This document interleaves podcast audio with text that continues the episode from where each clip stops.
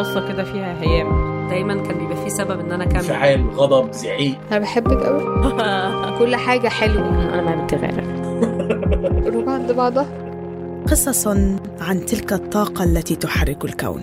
تستمعون لبرنامج بحب من إنتاج شبكة كيرنينج كلتشرز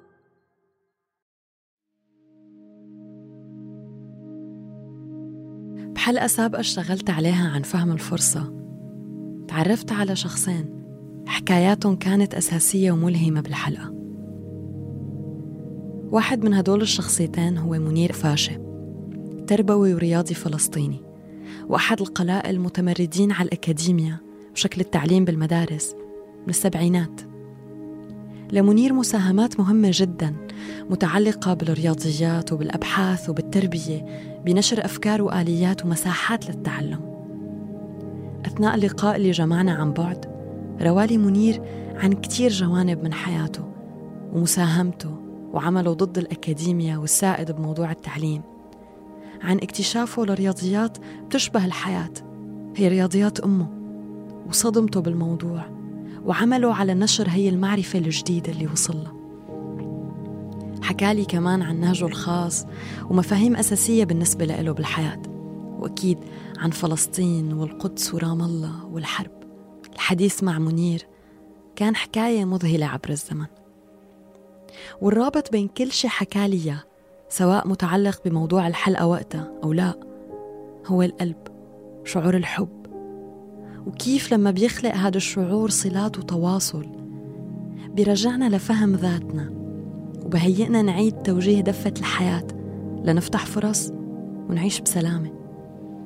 كلمات منير أثرت فيني لأن ببساطة كان أول شخص بيشتغل بوسط علمي وأكاديمي التقيت فيه ما بيحكي أبدا عن أهمية العقل وإعلاء العقل والفكر والتفكير وأهمية الانعزال والعزلة بالعكس بيحكي عن المحبة وعن القلب والأحاسيس وإنه نتبع أحاسيسنا بيحكي عن الانفتاح على الآخرين على الحركة. لهيك حبيت يكون في حلقة عن منير. وعن مفهوم الحب بالنسبة له. بلشت حكاية منير من فلسطين ولد بالقدس ضمن أسرة بسيطة جدا.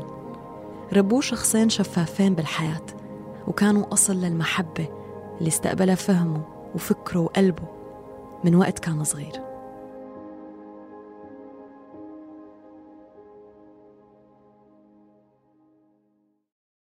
أمي ما بتعرفش الالفابت الأبجدية فكانت يعني متحررة من إنها تكون الأبجدية آه، حاجز بينها وبين الواقع بين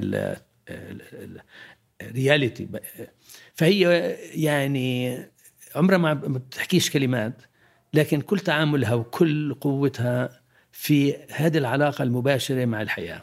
وأبوي نفس الشيء أبوي يعني بالصف الرابع كان في مدرسة الفرير في القدس آه، مرة كان ملهي في الدرج تبعه فالمعلم بقول له وقف يا حمار وقف أبوي وقال له حاضر يا طور. قال له شو قلت؟ قال له ما إذا أنا حمار بدي أكون معلمي طور. فمسك العصاي وراح لعنده أبوي طلع من الباب هرب وما رجع. فيعني ما كملش الرابع ابتدائي.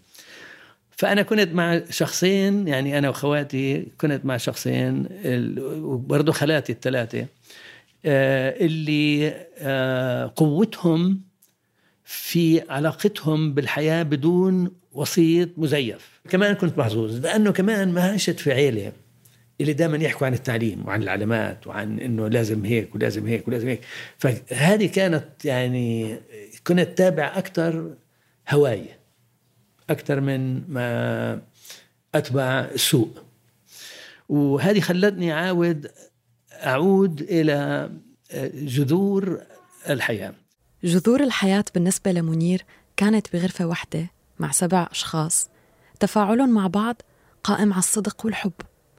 ابتسم لما حكى عن هديك الفترة قال لي كانت الظروف صعبة وكنا من الناس اللي تهجروا بال 48 مع هيك ما شعرت أبدا بهداك الوقت إنه الحياة مأساة. على العكس تماما. كانت مثل الجنة. وخصوصي إنه الجو بالعموم برام الله والطبيعة وقت هنيك كانت غير شكل. ظروف حياة منير دفعته يكون منفتح على الحياة. الحب يلي استقبله أتاح له مساحة يكون فكره مرن ويكون إنسان قادر إنه يخلق صلات وروابط مع كل شي حواليه. وعرف بالمدرسة إنه هي الصلات يلي بغذيها الحب إلى اسم. العلاقات. أهلي كمان حطوني في مدرسة حتى كانت معروفة بأنها للهاملين. كان عاملها واحد اسمه خليل آه، أبو ريا. كان أبو ريا يقبل أي طالب يجي بدون ما يسألوا عن شهاداته اللي قبل. فأي واحد يجي يقدم في المدرسة يقول له أهلا وسهلا تفضل. يعني روح الضيافة واحد بده يتعلم. تيجي تقولي له أشوف أول شيء علاماتك. وأبو ريا كان يآمن في العلاقات. فكان يعني بحكيش بس علاقات بيننا كطلبة برضو علاقات مع المجتمع من حولنا. كان يسكر المدرسة كل يوم سبت وياخذ ياخذ ياخذنا كلنا مع معلمين موظفين وطلبة نروح نمشي حوالي رام الله. فتعرفت على الينابيع وتعرفت على القرى وتعرفنا على الطبيعة وتعرفنا يعني نمسك من الأرض وناكل حتى في في في الربيع. ولما نمر من قرى كان كنا كثير مرات نوقف في القرية نحكي مع الناس هناك. هلا بطلع عليها عن جد إنه كنت محظوظ مع هذا الشخص خليل أبو ريان ومع كل الجو مع إنه كنا طبعا مهجرين جديد وكذا والى آخره. بس الجو بين الناس طبيعة العلاقات طبيعة المعرفة طبيعة الناس كيف كانوا يحترموا آه، قديش يكون آه، الواحد في علاقة مع الطبيعة. في علاقة لما نمشي مع الطبيعة بتصير علاقة بيننا كانت وبين المعلمين والمعلمات والمدير. كليا تختلف. مش لأنه يجي ويوعظ علينا هلأ أنتم ماشيين مع بعض لازم تحترموا بعض لازم تعملوا. لا لا تصير العلاقه بيننا علاقة يعني جميلة حلوة فيها كل العافية. يلي تعرف عليه منير بالمدرسة أكيد ما نو أمر مألوف وعادي بالنسبة للمدارس. أصلا اختيار كلمة عافية لوصف العلاقات كانت جدا مميزة بالنسبة لإلي. طبعا منير وأثناء الحديث كان دائم البسمة آه، مرحب بأي سؤال وعم يأكد كل مرة أنه التحدث فن وأساسه الحيوية خصوصي لما يكون بين أجيال مختلفة. لهيك شعرت أنه الحديث مع منير غني جدا وملهم وكان مفهوم. كنا متساويين تماما على الرغم من أنه هو يفوقني خبرة وتجربة. بس كان جدا متواضع وقادر يوصل لي كل الأفكار اللي بده إياها بأسلوب سلس وسهل. كانت أول مرة بستوعب أنه كلمة علاقة تتجاوز وصف رابط بين إنسان وإنسان. هي قدرانة تتشكل بالمعنى اللي حكى عنه منير كمان مع الطبيعة والأرض والجماد ويكون في نفس الطاقة المتبادلة نفس الأخذ والعطاء. بناء العلاقات مع المحيط وتعميقها صار أساسي بشخصية منير من دون ما يعرف يمكن. استمر الموضوع عنده وزاد. فصار عنده انتباه شديد إنه كمان يوسع هاي الصلات لتتجاوز حتى المكان المألوف والناس يلي بيعرفون. وضح هذا الشيء عنده لما خلص مدرسة وقرر يروح على الجامعة الأمريكية بلبنان ليتواصل ويتفاعل ويتعلم ويكتشف.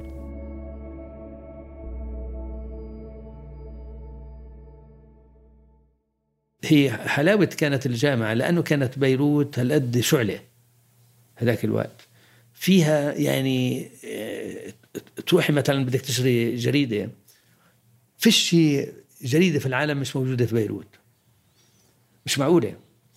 آه، وبيروت كانت يعني آه، الحياة فيها لسه هيك حيوية جدا وحلوة جدا. والبحر طبعا ما إحنا في رام الله ما كناش لا نشوف بحر. أول مرة بشوف بحر كان في آه، بيروت. بنفس الوقت كانت طبعا 58 لما رحت آه، كانت الوحدة ما بين سوريا ومصر. فعشنا كل هذه الحركة الوطنية القومية عبد الناصر. فهيك هذه الخلطة كلها مع بعض آه، كانت يعني بالنسبة إلي أعطتني أبعاد بقدر أقول عربية أكثر من أي شيء ثاني يعني.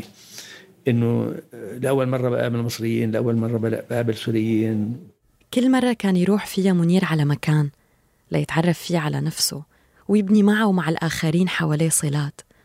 بيحتاج أنه يرجع بعدها على فلسطين ومن هنيك ممكن يبلش رحلة جديدة مثلا. هي بحد ذاتها هو ما قال هيك حرفيا بس هذه اللي أدركته أثناء الحديث أنه فلسطين هي المكان الأصل. كأن هي حاله. كل ما يكتشف شي براتا لازم يرجع لها لجوا ليتأمل شو اختبر ويفهم. وقال لي فلسطين بالنسبة له ما أنا مكان جغرافي. هي أفق حضاري. يتجاوز أي حد عم يحاولوا يحدوا فيه. نرجع للقصة. وبعد ما خلص جامعة ببيروت طلع على أمريكا ليعمل ماجستير هنيك. ضل سنة ورجع على الرغم من طلبهم وسعيهم أنه يبقى. بس لما رجع صارت حرب السبعة وستين. تسكرت جامعة بيرزيت يلي كان بده يدرس فيها وكان كل شي مشوش. أخذ قرار أنه يرجع على أمريكا. تخيلت فورا أنه أكيد ورا هي العودة يلي هي قصرية. في صلة أو علاقة أو نداء من القلب. لما كنت في أمريكا في تلهاسي تعرفت على كارمن واتفقنا إنه تجي على فلسطين ونتزوج. صارت الحرب فاتصلت أنا مع كارمن وقتها وقلت لها راح أجي على أمريكا وبلاقي يعني شغل هناك. ورحت على نيويورك آه، وكانت هناك تزوجنا وزواجنا كان برضه كمان بسيط. رحنا بالباص على المحل ال state house لأنه من هناك يعني زواج المدنيه فرحنا أنا وياها وكان في لها صاحبه لازم يكون في آه، شاهد يعني على الزواج. دقيقة ونص قال I declare you man and wife يلا هيب. الثاني next بصيح. مين كمان ورانا؟ يعني تزوجنا في ال 67 يعني إلا متزوجين 55 سنة. 55 سنة لسه في علاقة كتير حلوة وحية. بقول قضية العلاقات. يعني نعود نرجع نركز مع الشباب ومع إنه آه، أهم شيء في الحياة العلاقات. العلاقة مع المكان. العلاقة مع الناس. العلاقة مع الطبيعة العلاقة مع الحضارة. والعلاقة مع حالنا يلي غالبا الطريق إلى مستوحى ومستلهم من هي العلاقات اللي حكى عنها منير. وفهم شديد لهي الصلات. كان منير برحلته كل ما ينفتح على الآخرين وكأن عم يخلق روابط جديدة مع نفسه ويفهم حاله ويتجاوزها أكتر. وهذا تجلى لما اكتشف رياضيات أمه. وقتها ما فهم كيف أمه الخياطة؟ واللي ما بتعرف تقرأ وتكتب بتعرف رياضيات ما بيعرفها وما بيفهمها لأن الرياضيات اللي بيعرفها مقتصرة فقط على المؤسسات منغلقة ومنعزلة. على عكس رياضيات أمه وعالمها المنفتح والقريب من الحياة. شافته أمه بيقول وصارت علاقته معها ومع عالمها أعمق مع أنه هي كانت بحياته من أول ما ولد. هي وصلته بنفسه وهالشي دفعه للتغيير. بلش يدرس مستلهما من رياضيات أمه. درس مساق محلي الصنع مثل ما قال بجامعة بيرزيت. وكان ضمن محتواه تفسير المنطق الخفي للأشياء ورياضيات شديدة القرب من حياتنا والواقع. بلش يوقف بوجه المؤسسات الأكاديمية والطرق البالية بالتعليم ويشجع على مبادئ المجاورة والتعلم وحتى أنه رفض يبقى بجامعة هارفارد بعد ما أثار جدل حول النهج اللي حابب يتبعه والمصادر الحياتية اللي حطها بأول مسودة كتبها للدكتوراه قال لي كانوا منغلقين جدا وبعزلة. بس بعدين فكرت إنه ما رح أخسر. ورجعت وأخذت الدكتوراه من هنيك لسبب كتير أساسي وبسيط. ما بدي أخسر علاقتي بالطلاب وكان بدي أستمر بالتدريس بالجامعة.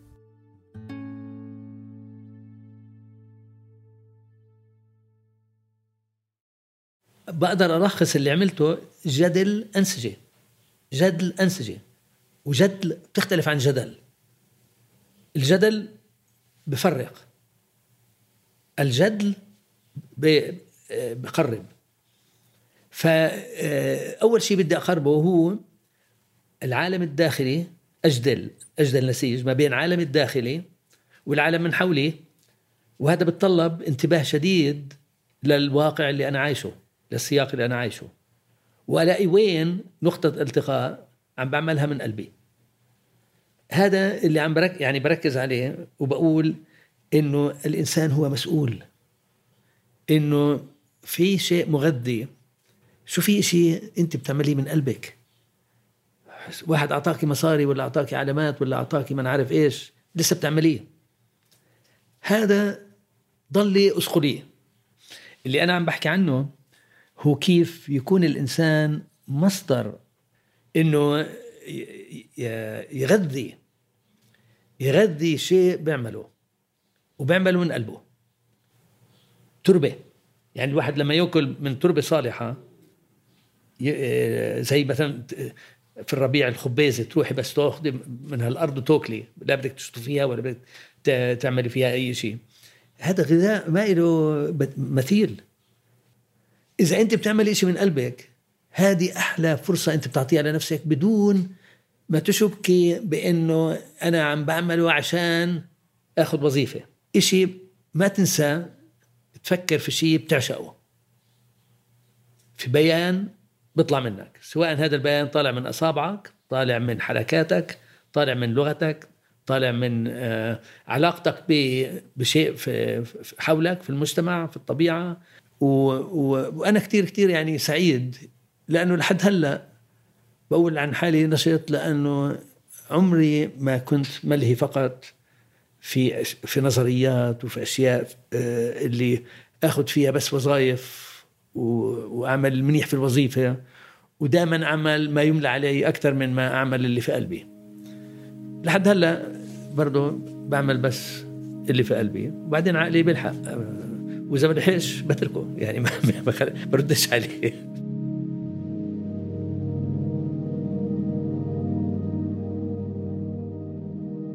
القلب دليل وبوصلة ومشاعر المحبة فيه هي طاقة طبيعية وفيها الشفاء والعافية. بتسقي الترب يلي جواتنا بتعطيها امتداد بيتجاوزنا كأفراد وبيربطنا ببعضنا ككائنات. منير بقي عم يغذي تربته. ويساهم بتغذية ترب أشخاص آخرين. شارك بتأسيس مؤسسة تامر يلي تعنى بالتعلم فلسطين وخارجها. وضل عم يكتب عن أمه والرياضيات ويبحث ويتأمل ويفهم ويبني علاقات نابعة من أصل واحد القلب.